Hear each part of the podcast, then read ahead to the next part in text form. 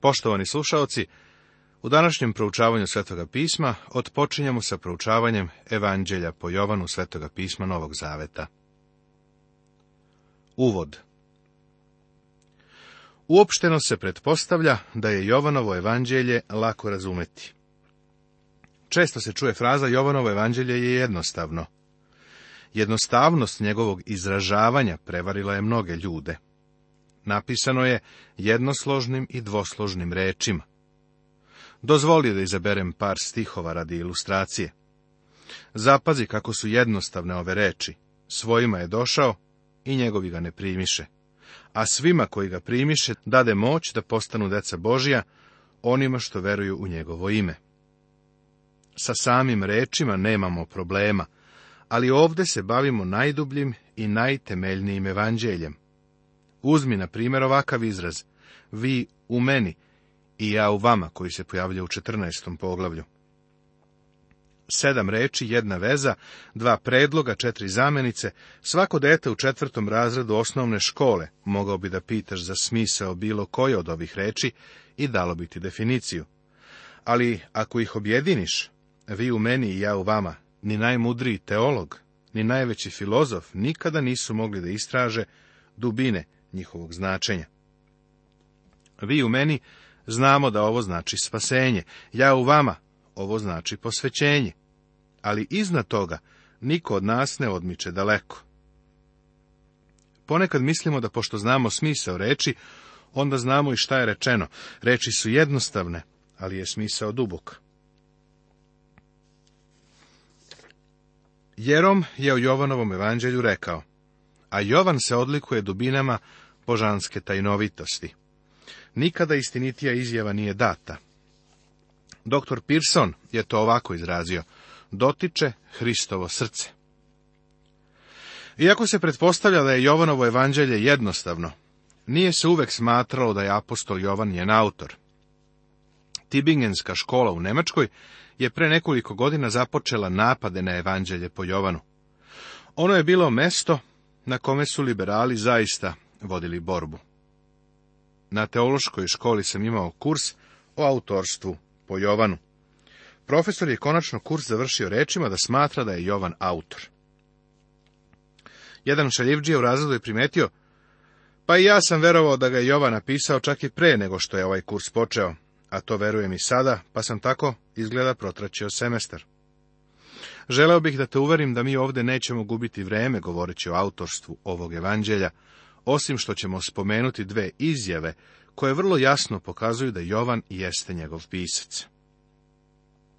Jedan od razloga zbog kojih sam smatrao da Jovan možda i nije pisac ovog evanđelja, jeste to što je papije, kog sam citirao u svakom od prethodnih evanđelja, bio podučen da nikada ne spominje Jovanova autorstvo ali profesor Tischendorf, Nemac koji je pronašao kodeks Sineitikus, koji je verovatno najbolji rukopis Staroga Zaveta, dole u manastiru Svete Katarine na Sinejskom poluostrvu, radio je u Vatikanskoj biblioteci i tada je došao do jednog starog rukopisa koji sadrži papijev citat, u kome se jasno vidi da je Jovan autor evanđelja.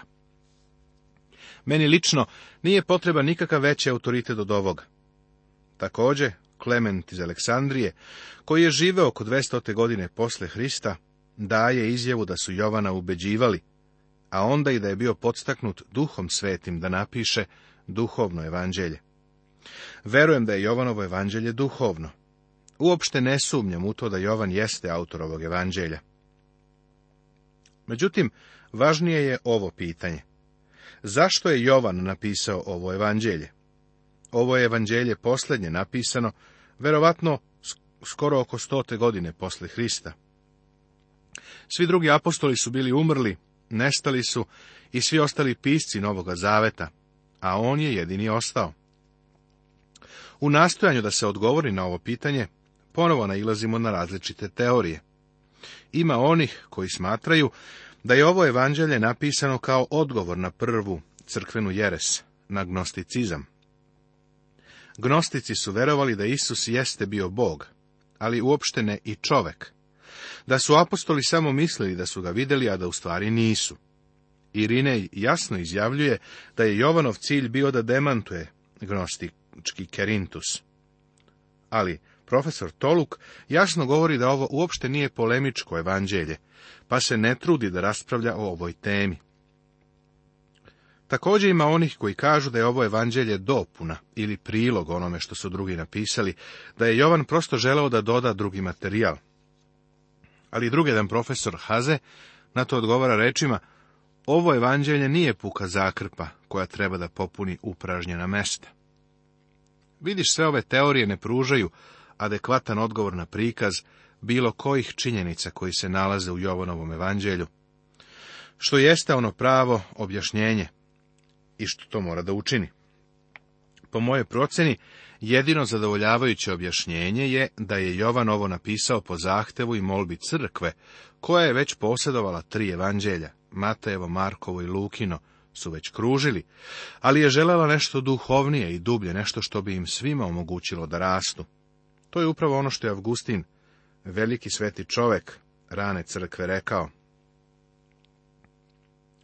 U četiri evanđelja ili bolje rečeno u četiri knjige evanđelja, sveti apostol Jovan se u vezi sa svojim duhovnim poimanjem, ne nezasluženo, upoređuje sa orlom koji je uzletao više i plemenitije od ostala tri evanđelja i tako uzdigao svoju objavu i u tom uzdizanju je želeo da se i naša srce podignu. Ovo je svrha Jovanovog evanđelja. Iz ovoga razloga je napisano.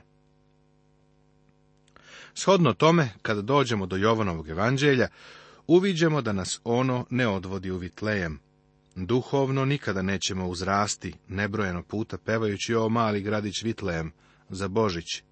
Jovan nas ne odvodi u Vitlejem, jer želi da kao vernici rastemo. Jovan nas ne odvodi u tihe hodnike večnosti, kroz beskrajne prostore, do početka koji uopšte nije početak. U početku beše reč, kaže prvi stih. Neki kažu da je ovaj svet nastao pre tri milijarde godina. Mislim da samo nagađaju. Mislim da je svet postojao mnogo duže od toga. Šta misliš, šta je Bog radio u prošlosti, u večnosti? Vrteo palčevima. Želeo bih da kažem da je on velika dela u prošlosti učinio i da sa sobom ima celu večnost. Tako, kad pročitaš u početku, onda što je tvom malenom umu moguće brže, vrati se u večnu prošlost ukucaj tamo jedan klin i Isus Hristos izlazi iz večnosti da se susretne sa tobom. U početku beše reč Božija i ta reč beše u Boga i Bog beše reč, kaže prvi stih. Zatim nastavi kroz milijarde godina. Sve je kroz nju postalo i ništa što je postalo nije postalo bez nje, kaže treći stih. Zatim Jovan u četrnaestom stihu preduzima još jedan korak. I reč se ova ploti i stanova među nama. Grčki filozofi i grčki način razmišljanja, kome je Luka namenio svoje evanđelje, zaustavio bi se baš tu i rekao, završili smo, ne možemo dalje da te pratimo. Ali ova nije pisao njima, pa zato ide dalje. Boga nikad niko nije video, jedinorodni Bog koji je u očevom krilu, on ga objavi, kaže 18. stih objavi ga, znači protumači ga, izvede ga na otvoreno, gde je čovek mogao da vidi i da ga upozna. Čovek bez početka jeste sin koji dolazi iz večnosti. Luka, koji je bio lekar, posmatrao ga je pod mikroskopom. Iako je Jovanov metod potpuno drugačiji, ipak on dolazi do istog zaključka do koga je došao Luka. Jovanov metod nikako ne možeš nazvati naučnim.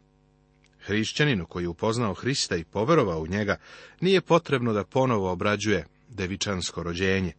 On već u to veruje. Prema tome, kada dođe do Jovanovog evanđelja, u njegovom proučavanju nalazi potpuno oduševljenje i neizrecivu radost. Nažalost, smatra da i nevernik treba to isto da okusi. Zato ćeš vidjeti da se u ličnom radu koristi više od drugih evanđelja. Nakon svega, zar prosečni hrišćanin ovo evanđelje ne smatra malo jednostavnim. Da li je jednostavno? Duboko je, za vernike je, pomaže im da rastu. Kada sam bio pastir u Pasadeni, imao sam prijatelja lekara koji je, zahvaljujući svome položaju, mogao da okupi studente sa Kalifornijskog tehničkog univerziteta na proučavanje Biblije. Znaš li šta je proučavao? U pravu si, Jovanovo evanđelje. Rekao mi je, Znaš, stvarno sam šokirao te momke prvim poglavljem. Posle nekoliko nedelja sam ga sreo i pitao kako časovi napreduju. O, rekao je, više ne dolaze. Pa nakon svega, oni su bili na fakultetu na kome sve proveravaš, na kome stvari posmatraš pod mikroskopom. Rekao sam mu, zašto nisi uzeo Lukino evanđelje? Odgovorio je, zato što sam želao da im pružim jednostavno evanđelje. Pa nije, Jovanovo evanđelje nije jednostavno, duboko je, za vernike je. Također, ne tako davno, jedan profesor teološkog fakulteta u ovom kraju, koga su molili da predaje Bibliju grupi poslovnih ljudi na podnevnom ručku, pogodi koju je knjigu poučavao. U pravu si rekao je, oni ne znaju baš mnogo, pa će mi izneti Jovanovo evanđelje. Voleo bih da im je izlagao Markovo evanđelje. To je evanđelje akcije, evanđelje sile, evanđelje za jakog čoveka. Ali on im je izlagao Jovanovo evanđelje. Jovanovo evanđelje je, po mome mišljenju, za one koji već veruju. Kada stigneš do poglavlja 13 do 17, preko njih možeš da napišeš oznaku samo za vernike, a ispod toga napiši svi ostali da ne prilaze. Ne verujem da je ovaj deo ikada bio namenjen nevernicima. Isus je one koji su bili njegovi odveo u gornju sobu, otkrio im je stvari koje su ih osposobile da rastu. Drugi pisci evanđelja nam o tome ne govore. Zašto? Zato što su oni evangelisti koji sveto objavljuju Hrista kao spasitelja.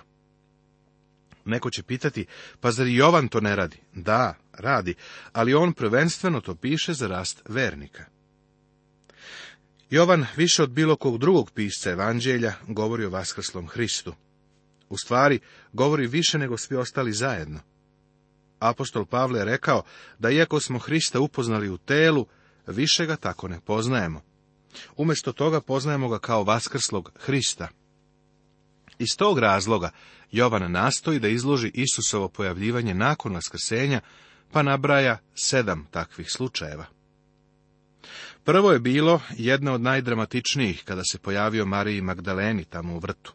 Drugo je bilo pojavljivanje njegovim učenicima u gornjoj sobi kada je nedostajao Toma. Treći put se pojavio učenicima u gornjoj sobi kada je i Toma bio prisutan. Ova tri pojavljivanja zabeležena su u 20. poglavlju. Zatim vidimo kako se pojavljuje kod Galilejskog mora. Nekoliko njegovih učenika je bilo u ribolovu. Pozvao ih je sa obale imate li šta za jelo? Ovo će jednoga dana pitati tebe i mene. Da li si skoro išao u ribolov? Ulovit ćeš jedino ako budeš radio kako ti on kaže. Treba da loviš po njegovim uputstvima. A onda im je pripremio doručak. Voleo bih da sam bio tamo za taj doručak u prirodi. Bio je to pravi doživljaj. I prijatelju, on još uvek želi da te ujutro nahrani. Kao je u toku dana, i uveče, i to duhovnom hranom. Zatim je uputio poziv i poslanje Simonu Petru. Simone, ljubiš li me? Isus nije rekao da treba da diplomiraš na fakultetu da bi mogao da mu služiš. Pitao je, ljubiš li me? Ovo je jedini uslov, nemoj me pogrešno razumeti. Ako ga voliš, želećeš da se osposobiš i pripremiš za službu koju ima za tebe. Ali on želi da zna da li ga voliš. Razlog zbog koga mnoštvo ljudi danas ne služi gospodu jeste to što ga ne vole. Zatim je Petru rečeno da će biti mučenik. Ali Jovan ne. Jovan će živjeti da bi napisao ovo evanđelje, tri poslanice i knjigu otkrivenja. Jovan beleži da se Isus sedam puta pojavio i svaki put vernicima. Oni nam i danas služe. U vreme Hristovog rođenja po celom neznabožačkom svetu je vladalo veliko iščekivanje. To je bilo neobično. Svetonije govori da se drevno i konačno očekivanje proširilo po istoku, da će vladar sveta u to vreme da se pojavi u Judeji. Tacit daje sličnu izjavu. Šlegel spominje budističke misionare koji su putovali u Kinu, da su sreli kineske mudrace koji idu u potrazi za Mesijom. Oko 33. godine posle Hrista. Ovo je zapisano u životu Vespazijanovom. U to vreme po celom svetu je vladalo iščekivanje da će on doći. A tamo iz tajanstvenog istoka stigli su u Jerusalim mudraci i rekoše, gde je car judejski koji se rodio? Čudesno je to da je ovo Jovanovo evanđelje pisano sa namerom da zadovolji potrebe vernika, ali i sa namerom da bude upućeno orijentalnom umu, kao ni jednom drugom. Koga podrazumijevam pod orijentalnim? Egipćane, Vavilonjane, Persijance, nebrojene milione u Kini i Indiji. Čak i u ovo dobro vreme tako malo znamo o tom kraju sveta. Šta je sa Tibetom, sa Gornjom Mongolijom? To je i dalje za nas tajanstveni istok. Ovo znamo, tamo postoji izvanredno bogatstvo, a odmah pored njega je očajničko siromaštvo. Iz te tajanstvene zemlje tamo negde na istoku su došli mudraci. Nosili su darove, zlato, tamjani smirnu, za Hrista. Ovdje ima mnogo pitanja na koja treba odgovoriti. Došli su iz te tajanstvene zemlje. Orientalna velelepnost o kojoj smo tako mnogo slušali, otkriva neverovatno bogatstvo. Ono je još uvek tamo, ukrašene palate gizdavi raskoš, neprocenjivi nakit. Ovo je tako ušlo na zapad, da je Kolumbo, kada je prvi put krenuo u ovu zemlju, Njemu pripisujemo otkriće Amerike, ali on nije tražio taj kontinent. On je pokušavao da nađe novi put ka istoku, da bi doneo bakar nešto od blaga koje je tamo bilo. Međutim, pored bogatstva, tamo vlada i krajnje siromaštvo. Najgore vrste užasna beda. Milioni ljudi tamo žive u mizeriji, u bedi. Njihova zemaljska dobra se sastoje od rita koje nose na leđima. U sljedećoj deceniji 100 miliona ovih ljudi umreće od gladi. Tako kažu. Možda pitaš zašto im ne pošaljamo hranu? Nema dovoljno. Mi odlučujemo koja stotina miliona će umreti, ova ili ona. Ono što nas sputava jeste što siroti vape za pomoć, a da bogati ne nalaze rješenje životnih problema. Orijent je ljudskim željama omogućio najslobodniju vladavinu. Iako su imali ovu slobodu, Zadovoljenje nije bilo. Imali su velike paganske religije, budizam, šintoizam, hinduizam, konfučijanizam i muhamedanstvo. Pa ipak, sa svim tim što su imali, iz tih zemalja su došli mudraci koji su pitali, gde je car judejski koji se rodio, jer smo vidjeli njegovu zvezdu na istoku i dođo smo da mu se poklonimo. Bilo im je potrebno spasenje. Nisu ga imali, ni jedna religija im ga nikada nije pružila. Iz tog razloga ljudi na tajanstvenom istoku se raduju i vesele Jovanovom evanđelju kao niko drugi. U Jovanovom evanđelju se raduje um. Gospod Isus može da zadovolji ovu vrstu uma kao što nam Jovan pokazuje. Isus je došao iz nebeske slave. Došao je onaj koji je bio pre bilo kakvog početka, koji možemo pojmiti. I reč posta telo, i siđe među ljude. Istok je imao religiju. Posle svega, Izrael je pripadao tom delu sveta. Istok je posjedovao sve vrste religija. Imali su hramove, okićene, gnusne, sa ponižavajućim ritualima, imali su sekte i okultizam. Jovan nam govori da je prvi javni čin gospoda Isusa bio odlazak u tadašnji hram i njegovo očišćenje. Ovim je on želeo nešto da kaže. Tim ljudima koji su slavili u svojim jadnim hramovima, da Bog je svet. Ako želiš da slaviš Boga, morat ćeš da budeš očišćen. Hram mora da bude očišćen i ne sme biti nikakvog kompromisa sa zlim ili ičim lošim. Jedne noći je religiozni vođa došao kod Isusa. Samo Jovan o tome govori. Tom religioznom vođi koji je imao sve i koji je bio skroz religiozan te noći, Isus je rekao, moraš se nanovo roditi. Bio mu je potreban novi život morao je da se otarasi stare religije. Isus mu je rekao da nije došao da zašije zakrpu na staru odeću, nego da mu da novu odeću pravde koja će mu omogućiti da stane pred svetoga Boga. Ovo je bilo potrebno toj oblasti sveta. Žene na istoku su bile degradirane. Gospod je oplemenio žene jer je došao tako što ga je žena rodila. Otišao je na svadbu da odgovori na ismejavanje, koje su od braka načinili sa istočnjačkim haremima. Hristos je otišao na svadbu i blagoslovio je. Također je seo kod studenca i razgovarao sa ženom sumnjivog karaktera. Ali to je bila žena za koju je on kasnije umro. Duša te žene mu je bila dragocena, kao i duša muškarca. Hristos je hranio mnoštvo naroda. Zatim im je govorio o hlebu života, a potom je pobegao jer nije želeo da ga učine carem njihovih stomaka.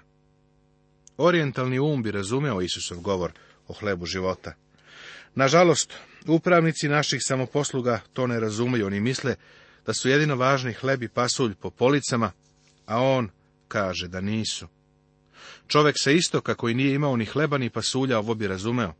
Plašim se da nekim od nas danas ovo promiče. Gospod Isus je u ovom evanđelju rekao, ja sam svetlost sveta, ja sam hleb života, ja sam put, istina i život. A istok je u to vreme bio ojađen i umirao je, kao i danas. Jovan kaže, i mnoga druga čuda učini Isus pred učenicima, koja nisu zapisana u ovoj knjizi. A ova su zapisana da vi verujete da je Isus Hristos, Sin Božiji, i da verujući imate život u njegovo ime. Ono što im je bilo potrebno iznad svega drugog bio je život. Prijatelju, to je ono što danas celom svetu treba, ne religija, nego život. Nastavit će se.